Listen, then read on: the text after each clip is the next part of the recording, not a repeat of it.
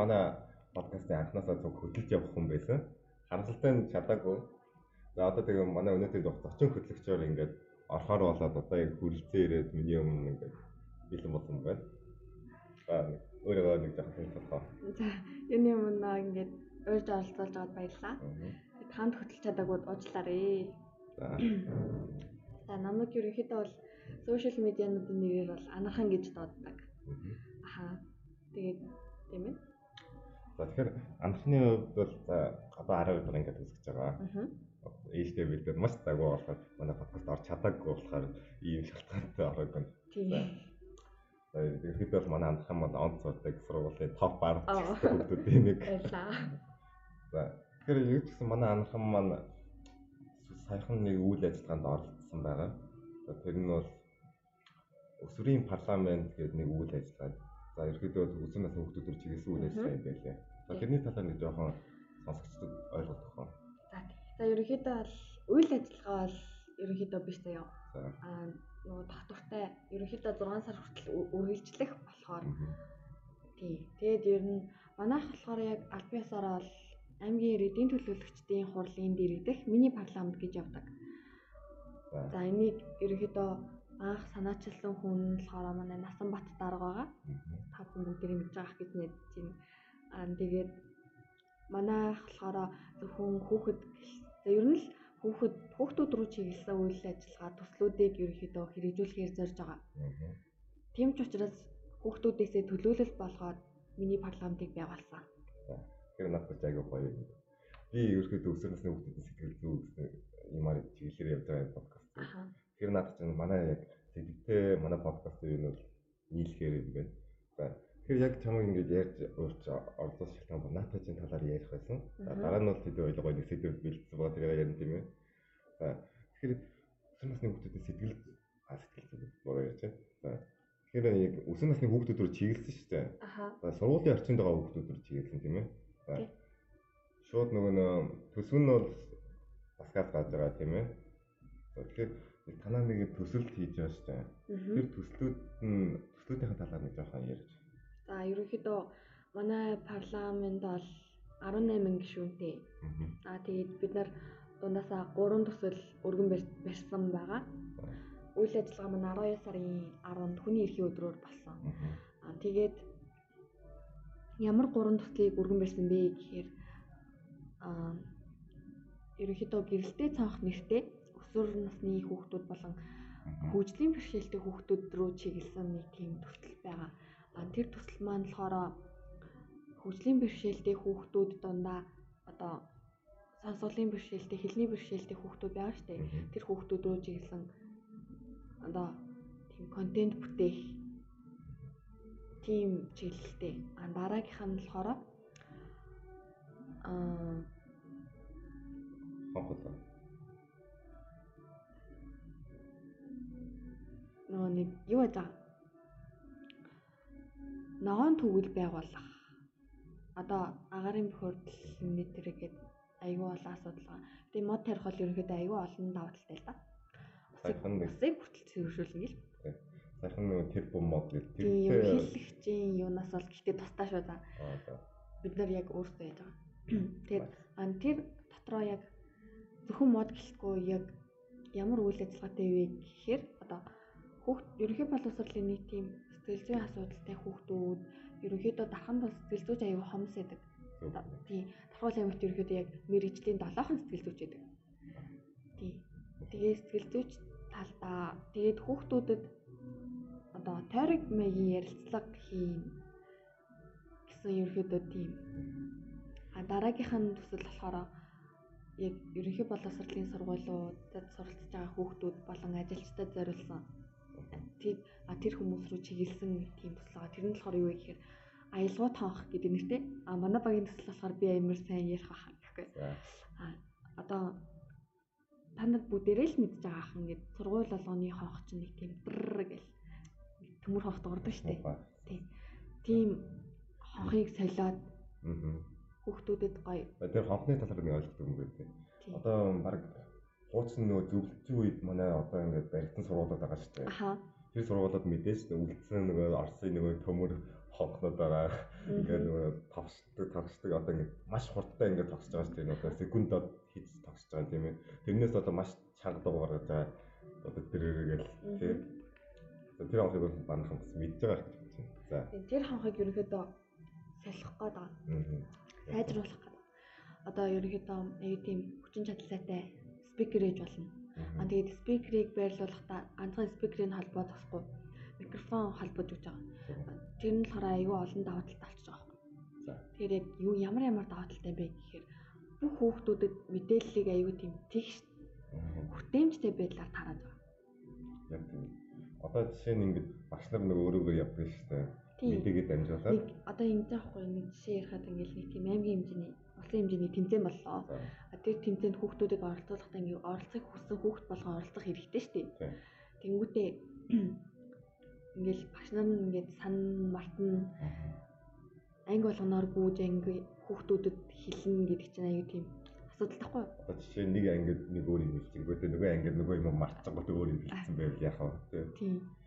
Тэсний орон зүгээр л микрофонороо дамжуулаад за хүүхдүүдээ тийм тийм тэмцээн болох гэж байна оролцох хүсэлтэй хүүхдүүд ирж бүртгүүлнэ үү гэдэг ч юм уу. Тийм маягаар Гадаадын сургуулиуд бол ийм зөнтэй байдаг тийм. Одоо цагаан оолойтой Аа. сургуультай. Манай Монголын сургууль баг тийм байхгүй бах тийм ээ. Бараг Монголд анхны төсөл нь гэж бодож ойлгож байгаа. Тэгж аллаараа ойлгож болохгүй нөгөө нэг Дархуул аймагт ерөнхийдөө 15 дугаар сургууль байдаг. За. 15 дугаар сургуульч болохоор тийм Тийм хонх байдаг юм уу? тийм ерөнхийдөө аялгау тавхтай. Тэр нь болохоор яг нөгөө дэлхийн юм нэг- ямар нэг санхүүжилт тийм тэр. санхүүжилттэй Аа. тийм төсөл. Тийм аргагүй юм байна л та. Аха. За, Тэнгүүд яг ингээд бид нар төслийн хүрээнд судалгаа аваад үзэнгүүт яг тийм аялгау тавхтай сургуулийн хүүхдүүдийн сэтгэл зүй сэтгэл ханамж байдал энгийн манай төмөр хонхыг сонсдог хүүхдүүдийн сэтгэл зүйн байдал хоёр жоохон айгуу тийм ялгаатай гарч байгаа байхгүй. Тэрэн дээр болохоор ер нь л жижиг жижигхэн юм болгон ингээд айгуу дараа нь том үр дүн авчирч магадгүй. Тэгэхээр ерөөхдөө бол яг энэ хонхны дуу чимээ бол маш чиртэй гэвэл тийм ээ. Одоо чи бол одоо сургуулиас орж байгаа. Би ч бас саяхан бас коллежид төгсөд одоо тэр хонхноос авч байгаа бас баяртай л баяртай л байл та. Ер нь дуу чимээ гэдэг чинь хүний сурах орчин, ажиллах орчин айгуу тийм чухал нөлөөтэй шүү дээ. Харин тийм. Одоо жишээ нь би тэр ингээл хичээлээ ингээл яг тарахын өмнөх ингээд юмаа биччихээ тийм. Нэг амар гоё санаа болсон тийм. Тэрийг биччихсэн. Гинт хонх дуураа тэр санаа нь Март. Тэгэхээр яг тэр чимээг орлуулах зүйл нь спикер гэсэн маш өндөр дуртай. Мгм.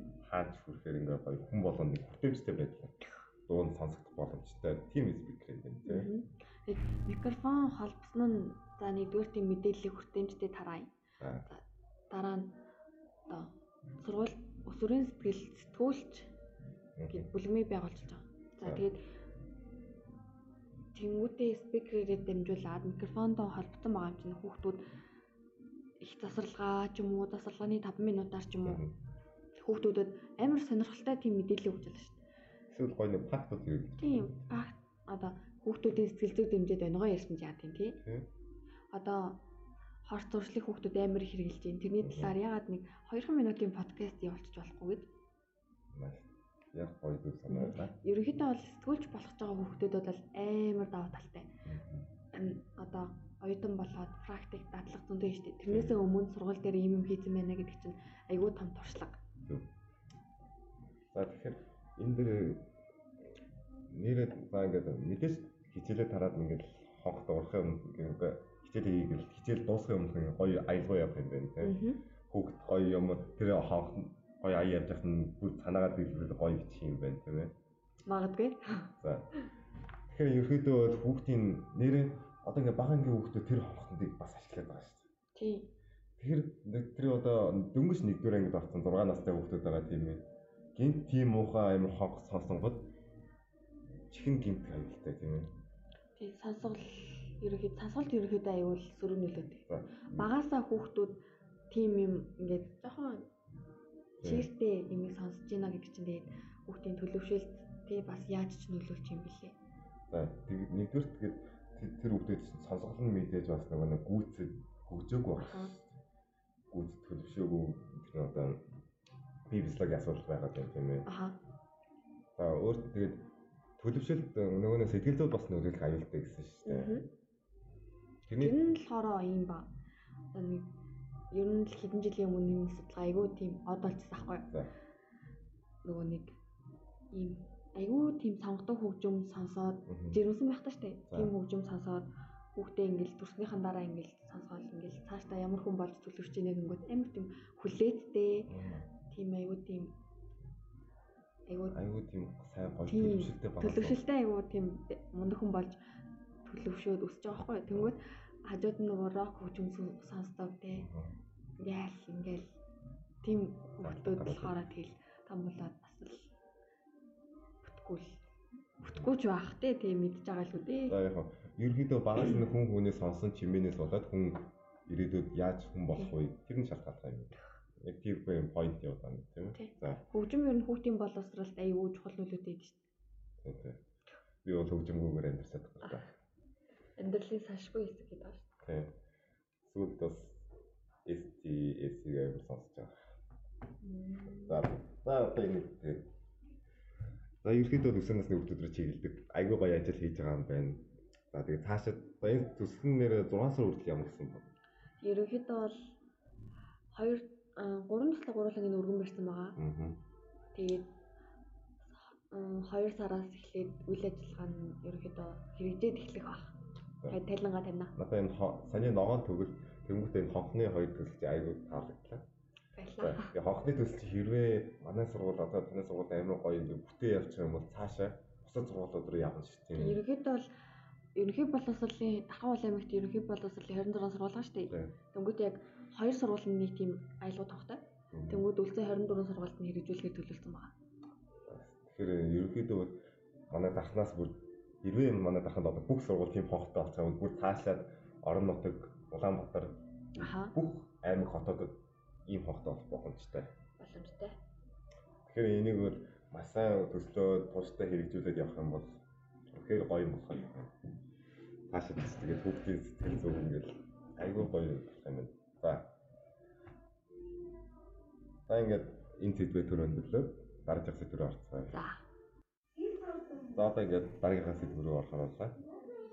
За, Манай өнөөдрийн сэдв бол өмнө нь би нэг хит хит нэг ярианууд өөрөө ганцаараа монолог хийгээд байсан байхгүй юу? Сонссоо. Өсгөөс нэг зөв тийм ойлголтын талаар яг тийм цаа ярьж чадаагүй л дээ. Тэгээс нэрээ шүүмжлүүд ирсэн айгуу сул байна.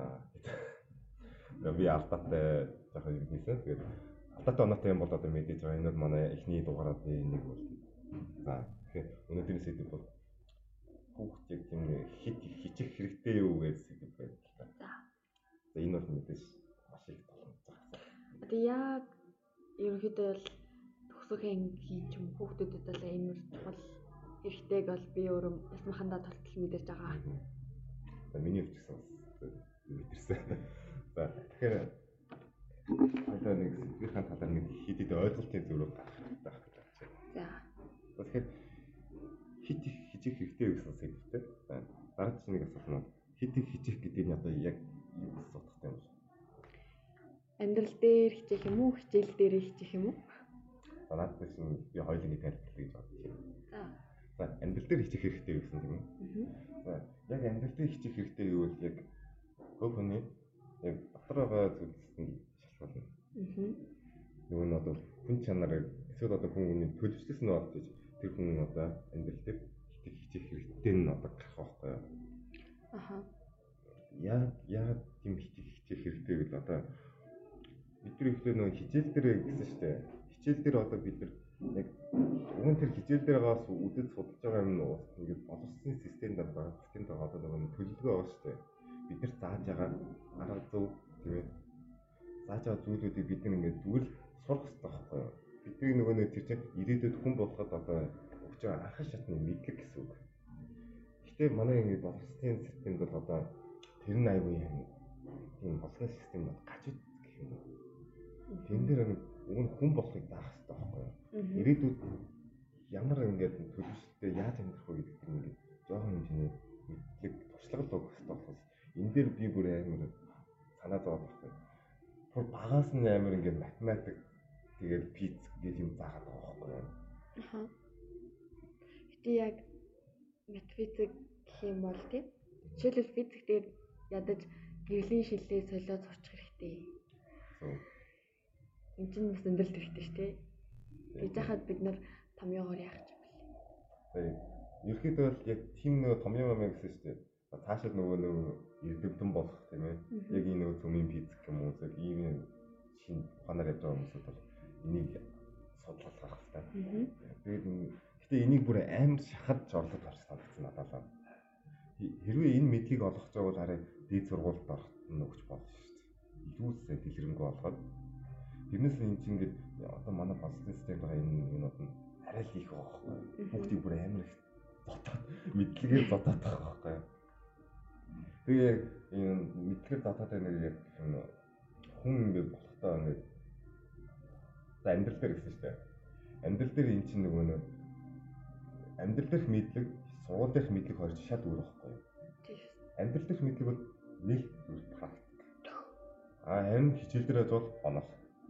За ерөөдөө манай сургууль бол нэг одоо Монголын сургуулиуд бол нэг тийм санхүүжилттэй бол биш шүү дээ. Тэгэхээр бид яг тийм нөгөө юун дээр бол практик ажиллах тийм юм байхгүй.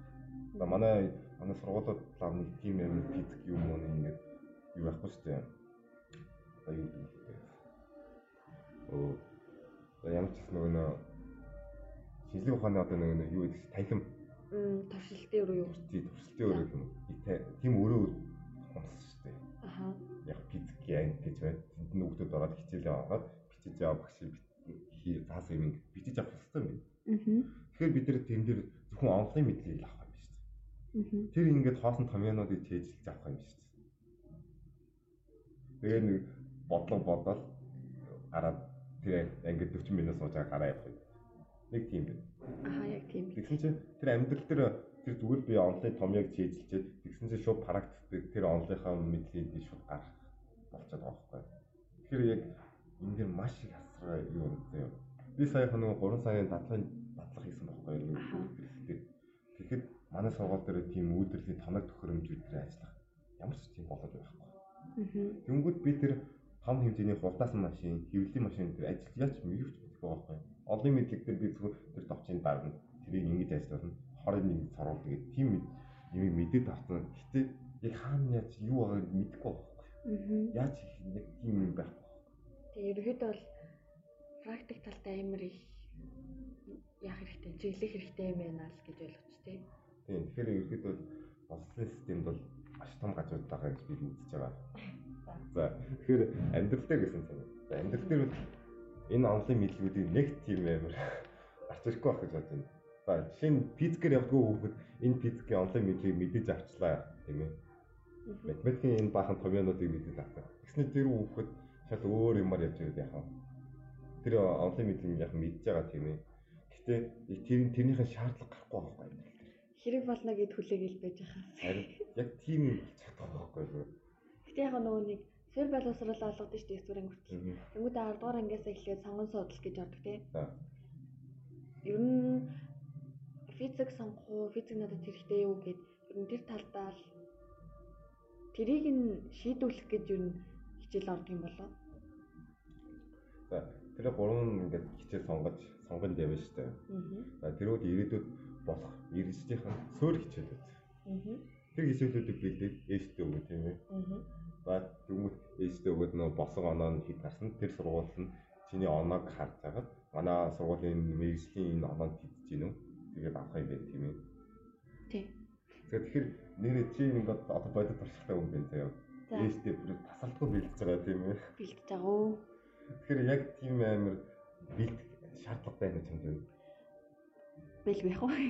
Ерөнхийдөө бол босоо ногоо давах. Дараа нь тэтгэлэг авах. Ер нь тийм хүн л та. За ерөөхдөө миний хувьд бол тийм амар хичээдэг хүн бол биш байгаа. Хүн хүн өөр шүү дээ. Тий. За чи бол амар хичээгээ одоо сургуулийнхаа ингээд ийштэй бүр маш сайн бэлдэж байгаа юм байна. Маш сайн? Ер нь тасралтгүй бэлдэж байгаа. Аа. За миний хувьд бол би сая баг стрингээс л хойш энэ сургууль орсноос хойш баг амар мэрийдэг болсон. Би 10 жилдээ амар тийм амар итгэвтэй хүүхэд байгаа байхгүй. За багшиг хий гэсэн юм Бараг санаж байна. багшиг хий гэсэн юм хийчлээ тийм ээ. За болцоо. Би өөр юу гэдэг яхаа тийм ээ. Би хийх ёстой юм бол хийх хэрэгтэй гэж боддог гэсэн байхгүй тэр үед бол. За Тэнгүүд би ингээ нөгөө яг мэрэгжлийн хаяцыг нэг стринг алдар ингээс аж судаад хэлсэн тийм ээ. Амар тийм мэрэгдэг хүн болсон байхгүй. Аа. Надад тэр нь яг бол амар сонирхолтой. Би чи компьютерээр амар турсан шүү дээ. Аха. Тэнгүүдээ би компьютер програм дээр яаж ажиллах вэ? Photoshop дээр яаж ажиллах вэ гэдэг. Одоо гайгүй бас зураг мураг амтнаас урдаг болчихлоо. Ер нь тэгээд студентээс хойш коллежд ороод ингээд толтлоо хичээж байна гэсэн штэ. Тийм. Энэ чамд бүр амар тийм хэрэгтэй байсан уу? Үр дүнгээ өгсөн үү? Маш маш сайн нь би сая одоо төгсөх шалгалтаа маш сайн өгч чадлаа. Тэгвэл ингээд тасралтгүй хичээгээл штэ тий. Тэгвэл ингээд тасралтгүй хичээгээл хичээлээ хичээгээл ингээд ядрах үе байдаг уу? Яг би тэр тэрэн дээр нэг юм. Би яг өөрийнхөө хүсэл мөрөөдлийнхөө төлөө явж байгаа байхгүй. Аха. Тэгж байгаа болохоор юм ядахгүй байхгүй. Өөрийнхөө тийм нэг доторх ингээд хүсэл мөрөөдлөө дээ. Аха. Доторх хоолоогоо сонс гэдэг. Тэрийг сонссон болохоор би яг тийм тууштай яваад байгаа гэж боддог. Тэгвэл та яг ингээд өөрийнхөө хүсэл мөрөөдлийг мэдээ зорилгодоо үнэхээр тууштай байна байхдаа ядрахгүй байна гэж байгаа шүү дээ. Тэгвэл өөрийнхөө өөрийгөө алаагүй яг яах вэ гэж явж байгаа хүмүүс ингээл хичээгээл хичээгээл яг уу хичээснийхаа үр дүнд өөрийгөө олдог ч хүмүүстэйг өөрийгөө бүр олохгүй ингээ бүр төөрчдөг төөрөлдчихдөг ч хүмүүстэй шүү дээ. За. Тийм байвлаад яах вэ? За. Тэрэн дээр бол маш сайн сэтгэлзэн зөвлөгөө хэрэгтэй. Аа. За. Жишээ нь одоо бидний хамгийн сайн зөвлөгч бол мэдээж эцэг гэх. За. Хоёрт нь багш байгаа. Гуравт нь сэтгэлзүйч байгаа. Чи энэ хэрвээ э, ямар нэг юм олохгүй байгаа шүү дээ. Өөрийнхөө ингээд ямар нэг хүсэл зорилгоо олохгүй байгаа. Тэгвэл эцэг ихтэй эхний удаач уулзах юм. За. За. Юу эцэгээс авсан зөвлөгөө бүтэхгүй байвал дараа багш дээр очих юм байна. За. За.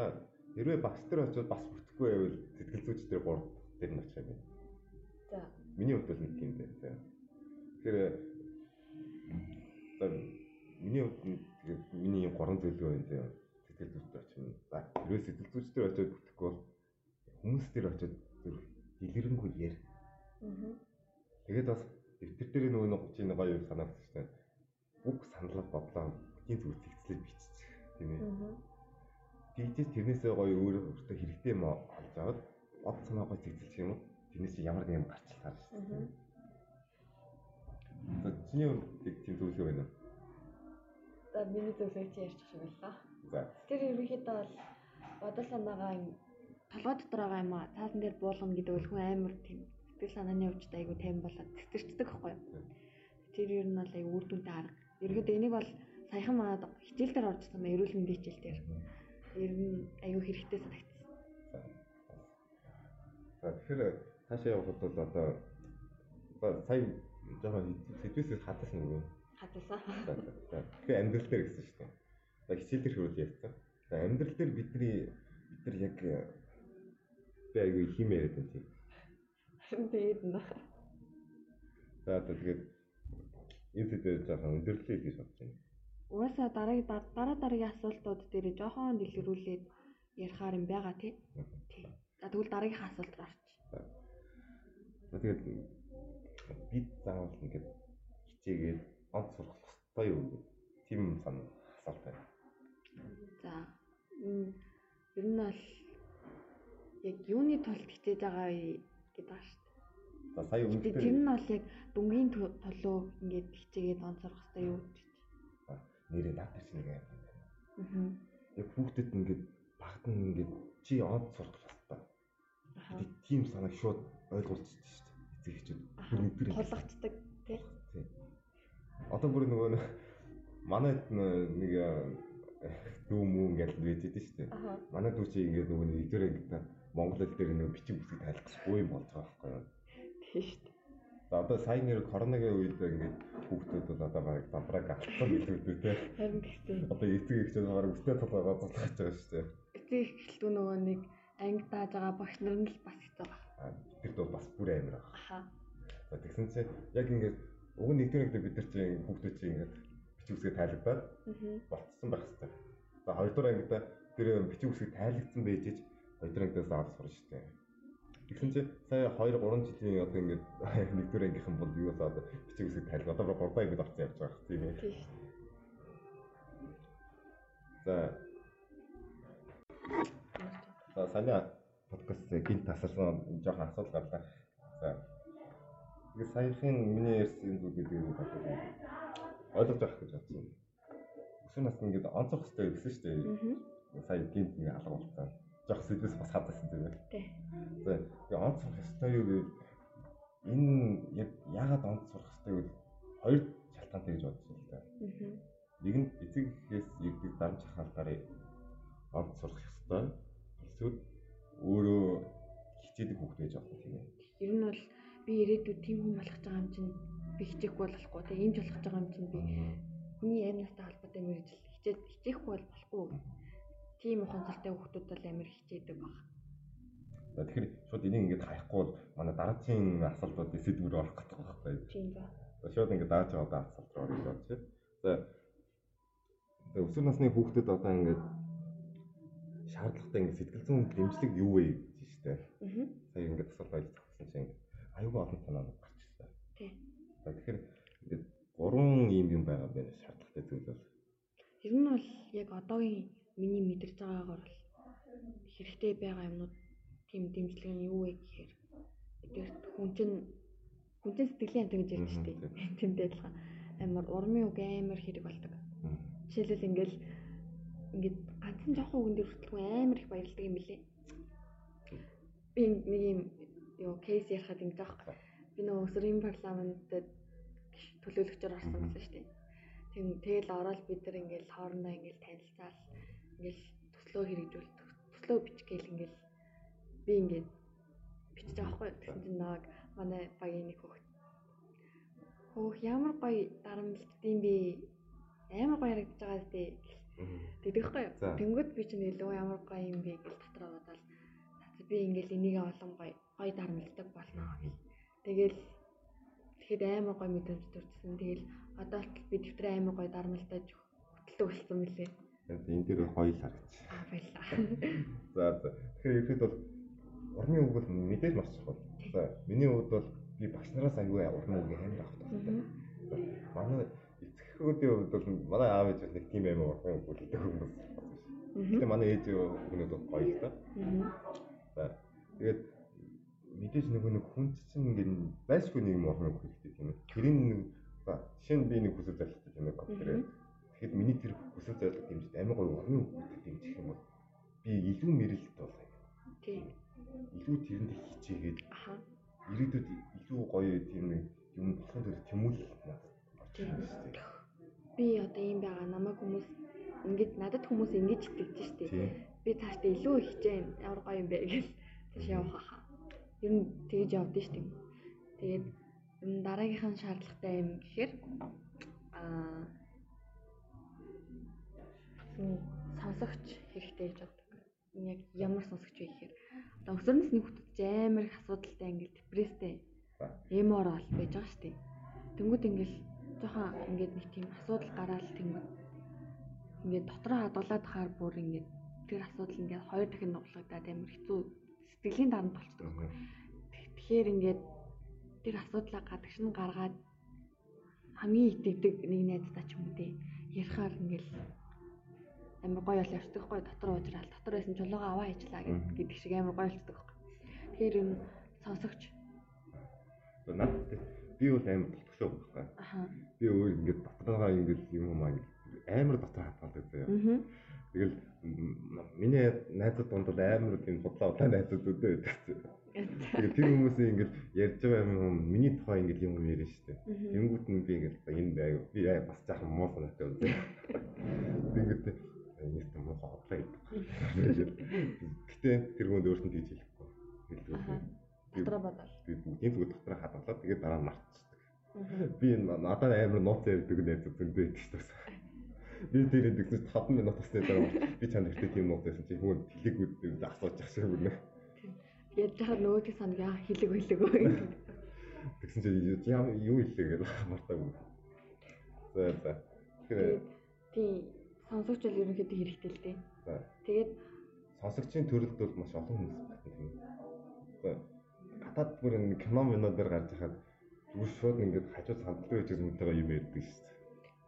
Тэр нь яа- ямар ч танихгүй мөртлөө ингээд тэндээ ингээд ярьцсан аюу гоо санагдав. гэтээ яг Монгол улсын хүмүүсийн боловсрал дээ. Гадаадын одоо Америкийн хүмүүсийн боловсрал одоо багасаа ингээд өссөн төлөвшсөн байгаа шүү дээ. Тэр нь болохоор амар өөр болохоор Манайх ч угаасаа гадаад юм Европын хүмүүсээс 100 200 жилээр хоцорсон байна. тэр нь засаа шин дээ. Тэгэхээр яг ингээд багаас нь өгдөг боловсрол бол бас шал өөр юм шүү. Тий. Чи одоо багаас нь ингээл хүүхдээ хүмүүжүүлэхдээ амар зөв хүмүүжүүлдэг гэсэн үг. Тэгээд жишээлх юм жишээлх юм бол яг Монгол бол яг зарим эцэг эхчүүд л тий тэг хүүхдүүдтэй сайн өсгөж байгаа. Тэнгүүд яг даавчлаарэ ээж аваа хавчлаарэ. Манай ээж хоёр ингэдэг гэсэн үг. Надад ердөөсөө тэгж нөө чи хүний нууцыг хүнд хэлэхгүй хэлж болохгүй шүү. Хүний нууцыг задруулж болохгүй шүү гэдэг ч юм уу тий. Тиймэрхүү юмар нэг зөвлөгөө өгж байгаагүй. Тийм учраас юм хэд. Гэтэ би хүний нууцыг задруулаад ирээд байдаггүй л тий. Яг тийм нэ- Тийм. Багаас нь төлөвшүүлэх хэрэгтэй л гэсэн.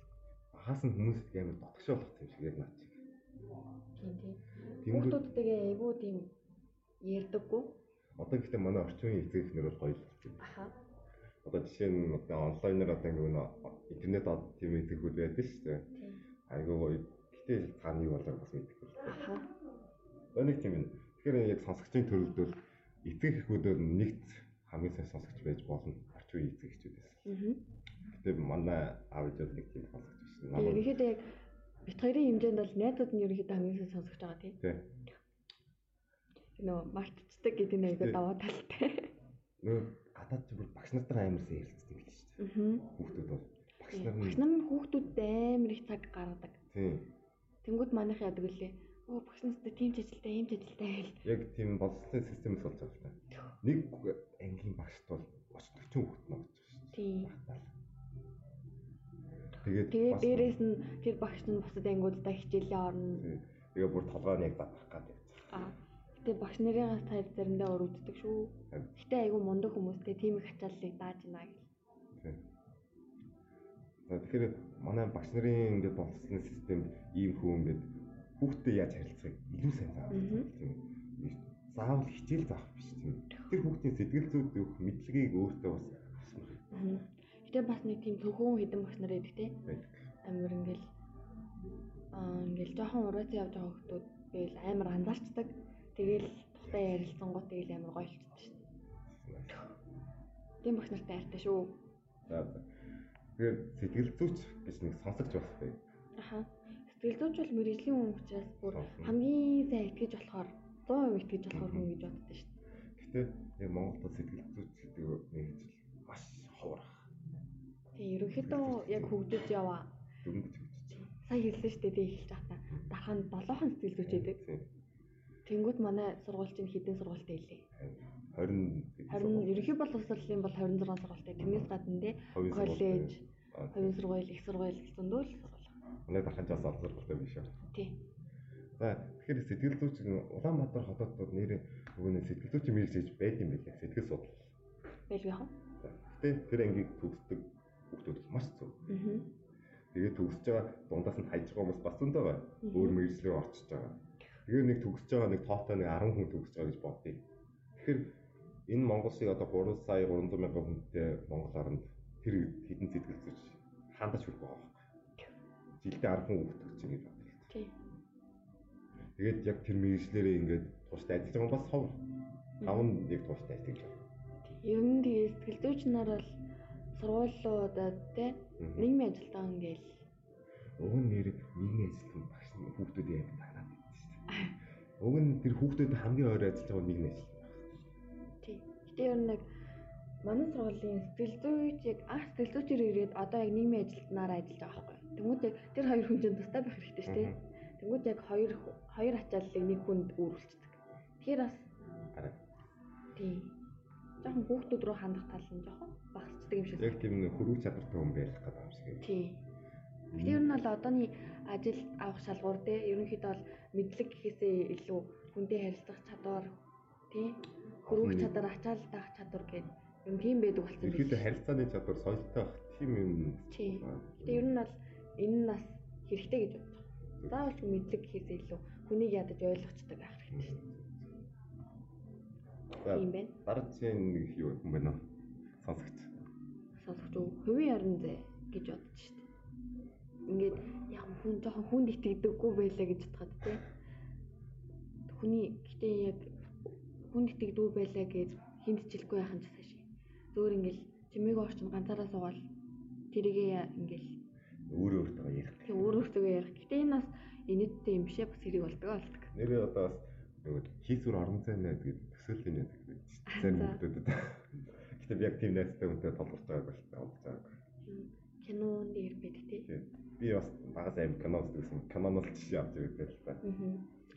Яг тийм найзтай хүмүүсээс бас Монгол тийм ховор ах гэж бодчих Гэтэ ер нь хүнд ч хилдэггүй хүмүүс байдаг хаа.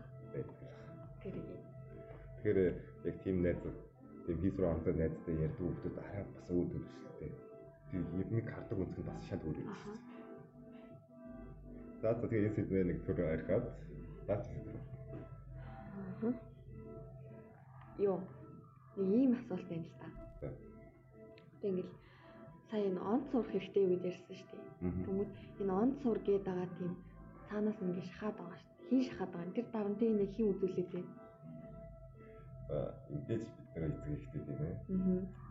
Мэдээж тэр шахаа дарамт халталт бол гэтээ яг ээж агууч хүмүүс байгаа тийм ээ. Яг тийм дарамт шахалтын үед мэдээж эцэг ихээс ирж байгаа. Аа. бас өөр хүмүүс ирж байгаа. За аав нь багтаа насарцсан байхгүй ч дээ. Тэгэхээр насурхаас өмнө хүүхдээ хэрвээ чи зам хэмж болох хэрэгтэй шүү гэж хэлсэн байл яах вэ? Тэнгүүтээ нөгөө чи би зам хэмж болох хэрэгтэй аав чи цагаасыг биелэх болохгүй болохгүй гэд тийм байвал яах вэ? Тэнгүүтээ нөгөө нэг эвжээ суугаад орчдөг нөгөө хүүхд чи медигээс орч нэг чаддаггүй байвал яах вэ? Гэтэ яг хүн аав ээжтэй хайртай бич болно л. Тийм. Гэтэ яг өөрийгөө бас бодох хэрэгтэй.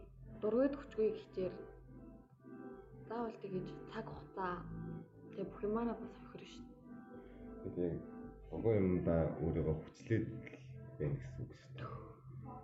Яг тийм дотор нөгөө нэг хүчилдэг юм байгаад байдаг. За өөрийгөө ихтэй хүчилгүй хүмүүс байгаа.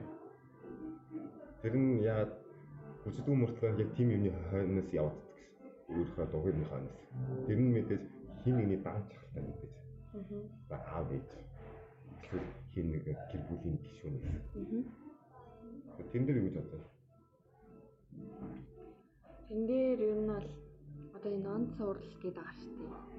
Энэ нон цур гэхийг ер нь бол амар олон талтай л та. Надад бол нэг тийм 10 жил хичээл бол сонирн байгаа. Нөгөө нэг юм бид шүү дээ. Тийм амар тийм шалтай. Аа. Найз нь нөгөө нь ингээл амар он цурал амар лаг агаад өөрөө яг нэг тийм амар муу биш мөртлөө Аа. заавал өдрний цаа дээр нь гаргаал бүр шарандаа ингээл хэд штэ. За тийм. Тэр нь яг хүн хүн хөгжиж байгаа боловч бас Яг тэр өрсөлдөх чадвар тооддаг. тий. Гэтэ яг тийм өрсөлдөх чадварыг тийм юм дээр бас гаргах цаашаа. Нөгөө өрсөлдөх чадвар гэж яг энэ дээр. Өөр өөртөө л өрсөлдөх хэрэгтэй л дээ. Харин Би тийм- өчигдөр нь тийм левелдээс өнөөдөр би тэрнээс нэг левелээр ахихыг хэлж байна шүү дээ. Тийм байхад заавалчгүй бусдын хэмжээнд хүрэх гээд жаах тий. би бүр сая ийм дэвтэр дэвтэр аваад тэгээд одоо 20 22 оноос хойш бүр гоё болно. Нэрээ шинжил болж байгаа юм биш үү? Нэрээ шинжил болж. Тэгээд би 22 оноос хойш би ингээд төлөвлөгөө гаргацсан. Тэгээ одоо яг нэгсэр хоёрноос би ингээд төлөвлөгөө энэ дэр нь одоо би Japan language гэсэн үг. Аха. Японы сурч эхлэнэ гэдэг өөртөө зорилго тавьсан. Өөрөө би дагаад сурна гэдэг. Тий. Энэ юу нь л айгүй тийм. Ер нь хүн зорилготой байна гэд- гэдэг чинь тий ахгүй юу? Ингээ би чадна гэсэн би чадна гэд өөртөө итгэцэн бахад туулах замынхын тал нь ард нь үлддэг гэдэг шүү дээ. Тэр амар гоё юм санагддаг. Тэгээд ер нь бол нэг таахгүй юу? Асуулт руугаа буцаад оръё.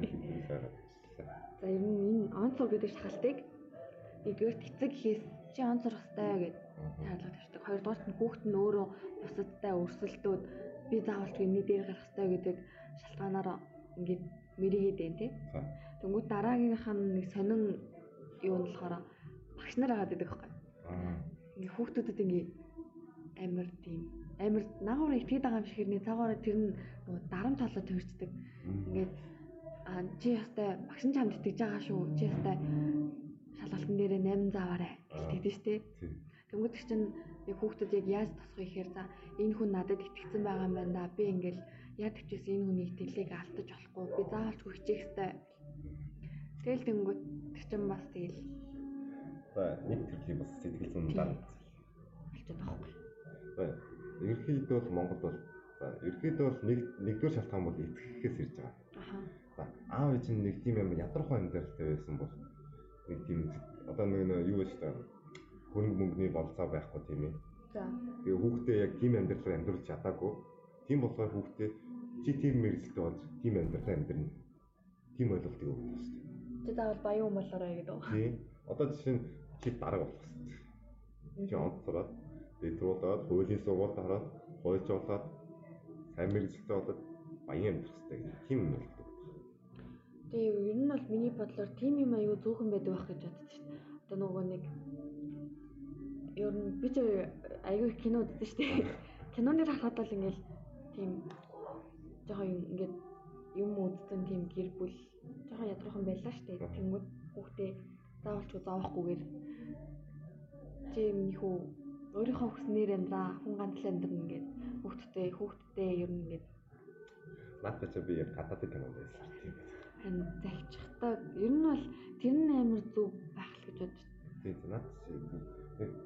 өөрөө хүсэл мөрөдөл та. Гэтэ сайн нэр манай нэг найз би ингээ веб ангид орно гэж байхгүй. Нэг аавны 5 Тэгсэн чинь манай нэг найз намайг баг дагаж орж байгаа. За. Тэр хүүхэд уг нь хүсэл мөрөдлийнхаа явах хэрэгтэй байхгүй. Тэгсэн чинь намайг дагаад байгаа шиг санагдаад байгаа. А яг Нэг хин нэгний ингээд намайг би орно гэнгүүт намайг дагаад байгаа шиг санагдаад. яг хав тэр хүүхэд гэтээ яг ингээ хүн болгоно заавалчгүй бүх юм нь тис ондоо байх шаардлагатай ч байх бас сонирхол нь адилхан байж болно шүү дээ. Үүнч тэр бас юм хичээлдэг сайн хөвгөлтэй. Гэтэ би ингээд тэр хөвгт өмнө веб ангид орох сонирхолгүй байсан. Яг намайг ингээд орно гэх шийдвэр гаргахаас өмнө За. Тэгсэн чинь намайг ингээд одоо ингээд беби ангид орох юм. Намайг гээд байгаа юм шиг санагдаад байна. Би би яг тэр хүүхдийг алаад байна гэж бодоод байгаа байхгүй. Алаад. Тийм. Хэрвээ чам тийг санагдаад байгаа бол чи яг ярилцаад үзэх юм болов. Харин тийм яг шиг ярьж үзэхгүй бол дараа нас тэр хүүхдийн ирээдүг бол тэр хүүхд дараа сонирхолгүй болчихвол яах? Тийм ээ. Тэр хүүхд бол санаад байна. Тэгээ би яаж ярих тусаар байгаа болох вэ? За нэг тийм хөө нэг кейс ярьлаа. за. За. Yes. А дараагийн асуулт руу орох уу? За тийм. Таних дээр энэ доктортой юм ярьсангүй юу? Той байхгүй хаа.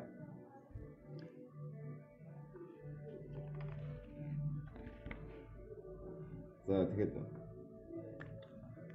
хүүхдүүд ирээдүйд одоо өөртөө чиглэсэн шийдвэр шийдэл гаргаж чаддгүй гэсэн юм тийм ээ.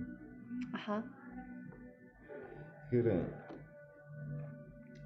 яг тийм нэг өөрийгөө бие даасан хүүхдүүд байдаг та. Мгм. Аав ээжээс нэг тийм амар дааж. Тэр хүүхдүүд байгаа. Мгм. Тэнгүүтээ яг өөрөө шийдэл гаргадаг өөрөө тийм гэж бодсон шүү дээ. Аха. Тийм бодлоготой хүүхдүүд бол яг тийм бас соврах гэж бодож байна. Тэгвэл Би өөрийнхөө хувьд бас өөрөө бодлоготой л та.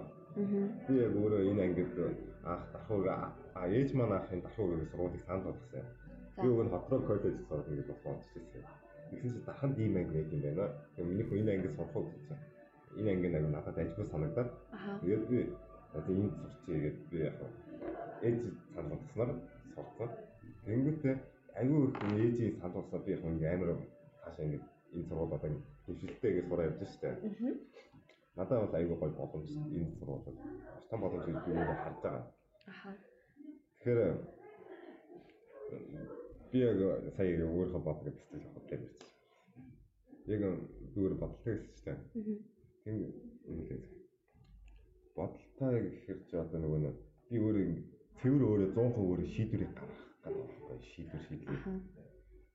Яг тийм шийдвэр шийдэл 100% гараад бол яг тийм хүмүүс байдгүй л. Ер нь бол бие даацсан хүүхдүүд байгаа. Ер нь мэрэгжлээ сонгоцсон хүмүүстэй. Сая би бол энэ шийдвэрийг 50 50 50% нь ээжээс 50% нь минийхээс гарч байгаа байхгүй.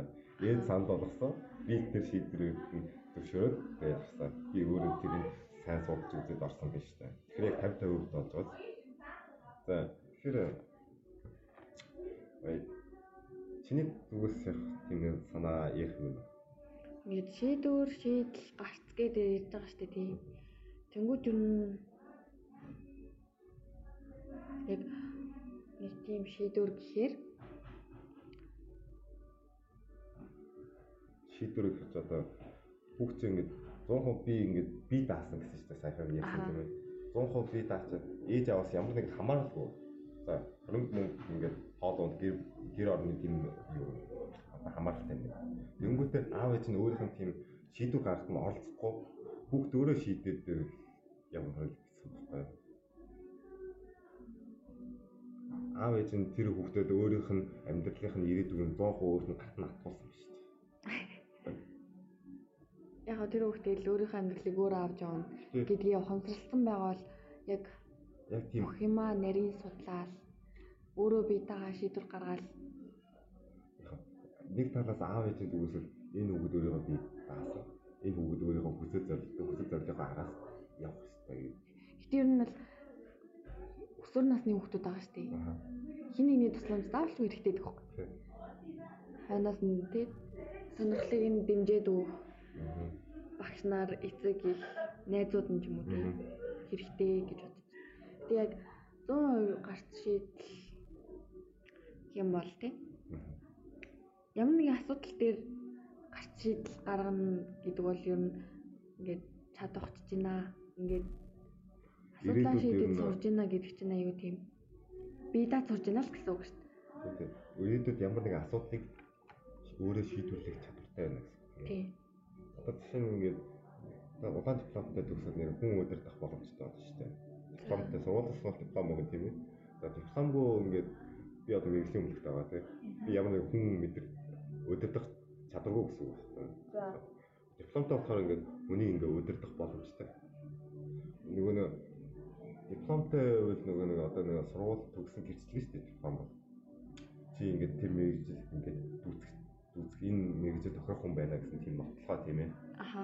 За дараа нэг бакалавр, бакалавр гэх зөндөө юмнууд байгаа шүү дээ. Тэгээ төвчнүүд. Тий, магистр. Тэгээ тэр төвчнүүдэд сурч иж нөгөө нэг манай Монгол нэг тийм өндөр талент болно гэсэн тийм ойлголт яваад байна шүү дээ. Тэгээд дандаа нөгөө нэг ажилд орчингуудаа дараа нь тийм сургалтууд ярьдэн шүү дээ. Мгм. Нөгөө мэрэгчлээ төгссөн хүмүүс. Мэргэжил дэвшлүүлэх үү? тийм мэрэгчлээ шилдэг. Тиймэрхүү сургалтаас сургалт нөгөө нэг өөрийгөө бакалавр, магистр тийм үедээ болдог. Тэгжээж нөгөө нэг өндөр цалинтай болно гэсэн тийм байдаг та. Ерөнхийдөө бол яг амьдрал дээр яг өөр идэг юм шиг санагдаад байна шүү дээ. Хүн ингээд тэгээ заавалчгүй тэгээд улаан диплом, магистрийн зэрэгтэй байснараа өндөр цалин авах уу те. Яг тэр ажил мэргэжлээ онцлог байна. Хүн дуртай юмаа ингээд хийж явахдаа нэг түүрдэггүй.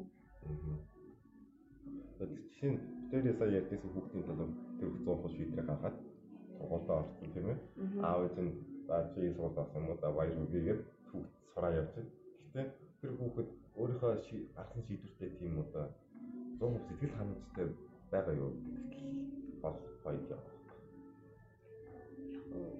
100% сэтгэл ханамжтай байна гэдэг чинь бүр ингээд бүр тэр мэрэгчлээ тэр мэрэгчлэрээ сурахынхаа төлөө бүр өхөн хатан хичээдэг те би үнэхээр тийм юм дуртай болохоор ингээд яваад байгаа штэ яг үнэхээр тэрэндээ бүр ингээд 100% ингээд дурлцсан тэрэндээ амар тэр яг тэр тэрийг хийхээр амар сэтгэл ханамжтай байдаг те яг тийм байх юм бол ер нь сэтгэл хан 100% сэтгэл хангалуун байх боломжтой дээ.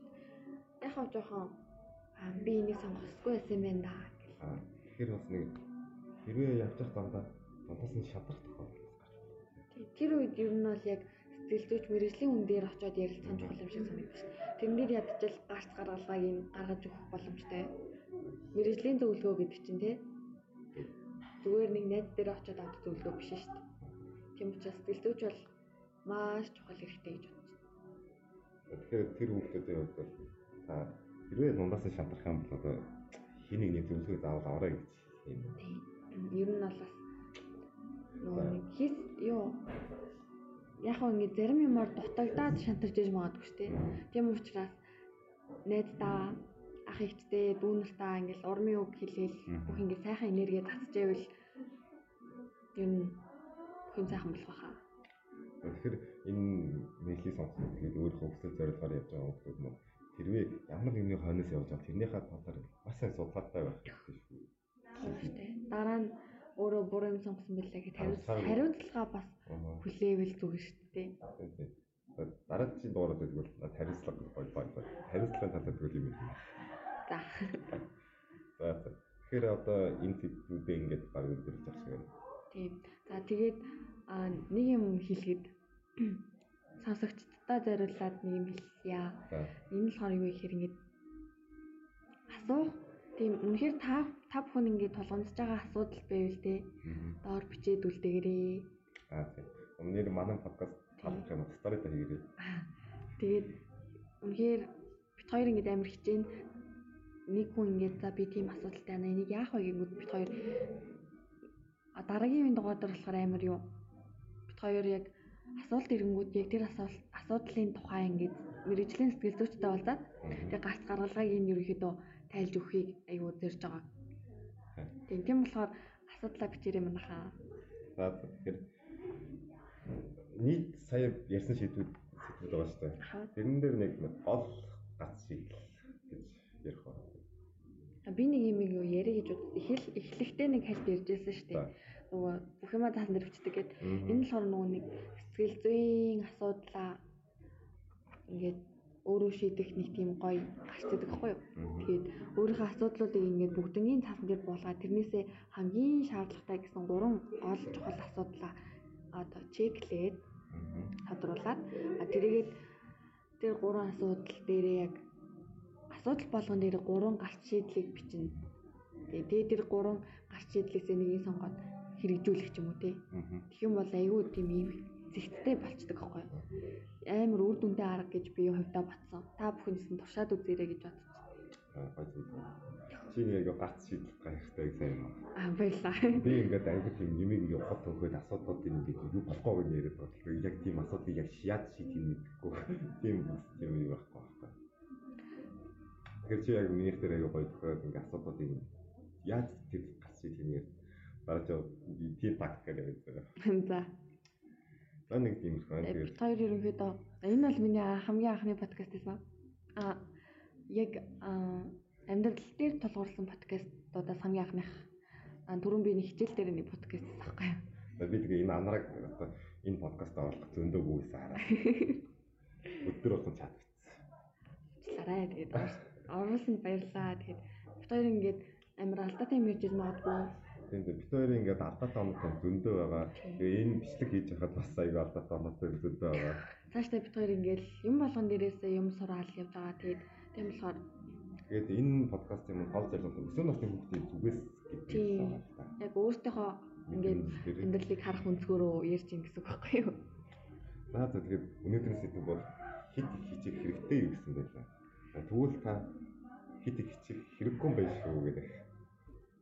За энэ бол хит их хичээхгүй шалтгаанууд бол зөндөө байгаа л та. За миний хувьд бол та нэг хит их хичээх хэрэггүй зэ таны нэг ойлголтын цэг гэж байгаа. Тэр ойлголтын цэгийг давсныхаа дараа та тийм хүсэл мөрөдлийн хараас яадаг. Тийм хүн болоход миний хувьд бол миний туршлагаас ярьж байгаа шүү. За. Тэгээд би ягаад энэ аим гарч шийдэл дээр ярих юм уу гэсэн тэгээд би өөрөө тийм асуудлуудыг өөрөө би наа шийддэг байсан. Тэнгүүдээ яг тэрнийхээ талаар гимсээ ярьж чадахгүй. Аха. За одоо ингээд манай подкаст маань өндөрлөхөд бэлэн болсон байна. Аа. Тэгээд Гиснээс чи сайн намайг ингээд гарч идэл ярихтай амар сайн юм байна гэдгсэн гэсэн. Би амар урам ороод одоо чиний нэг асуудлыг чи шийдэж өгье гэж бодлоо. Чам ямар асуудал вэ одоо? Яг одоо. Яг одоо одоо яа нэр үнсэд байна. Өсөөд наа. Тэгвэл энэний гарч идэл нь ердөө амархан. Одоо хоёлын явж юм мэдээ заяа. За. Энийг хүлээж илээ шүү дээ. За ингээд өнөөдрийн подкастыг сонсон та бүхэнд маш их баярлалаа. За таалагдсан бүстарыг дээр яриад. Баярлалаа. Баярлалаа.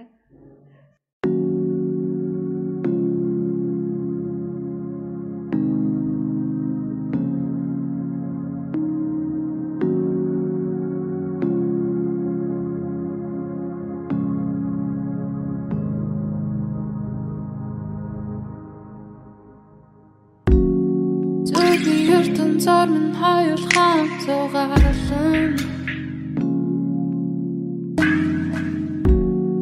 Золон ширх бараа бид нэг нарган.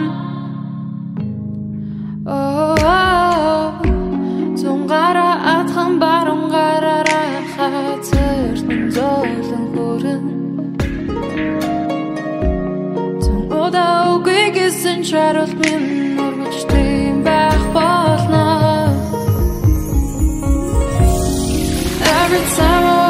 into this room I feel your energy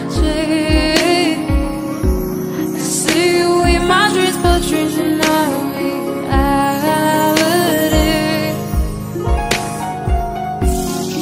Every time you knock on my door, I crave for your love. I pray for you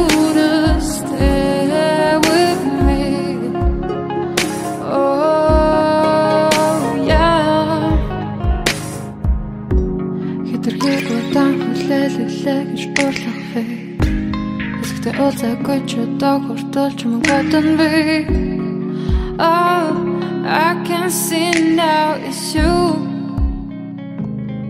Oh, зунгара атхан баруун гараараа хазар минь золон хүрэн Зун удаа үгүй гэсэн чаралт минь ургаж тийм байх болно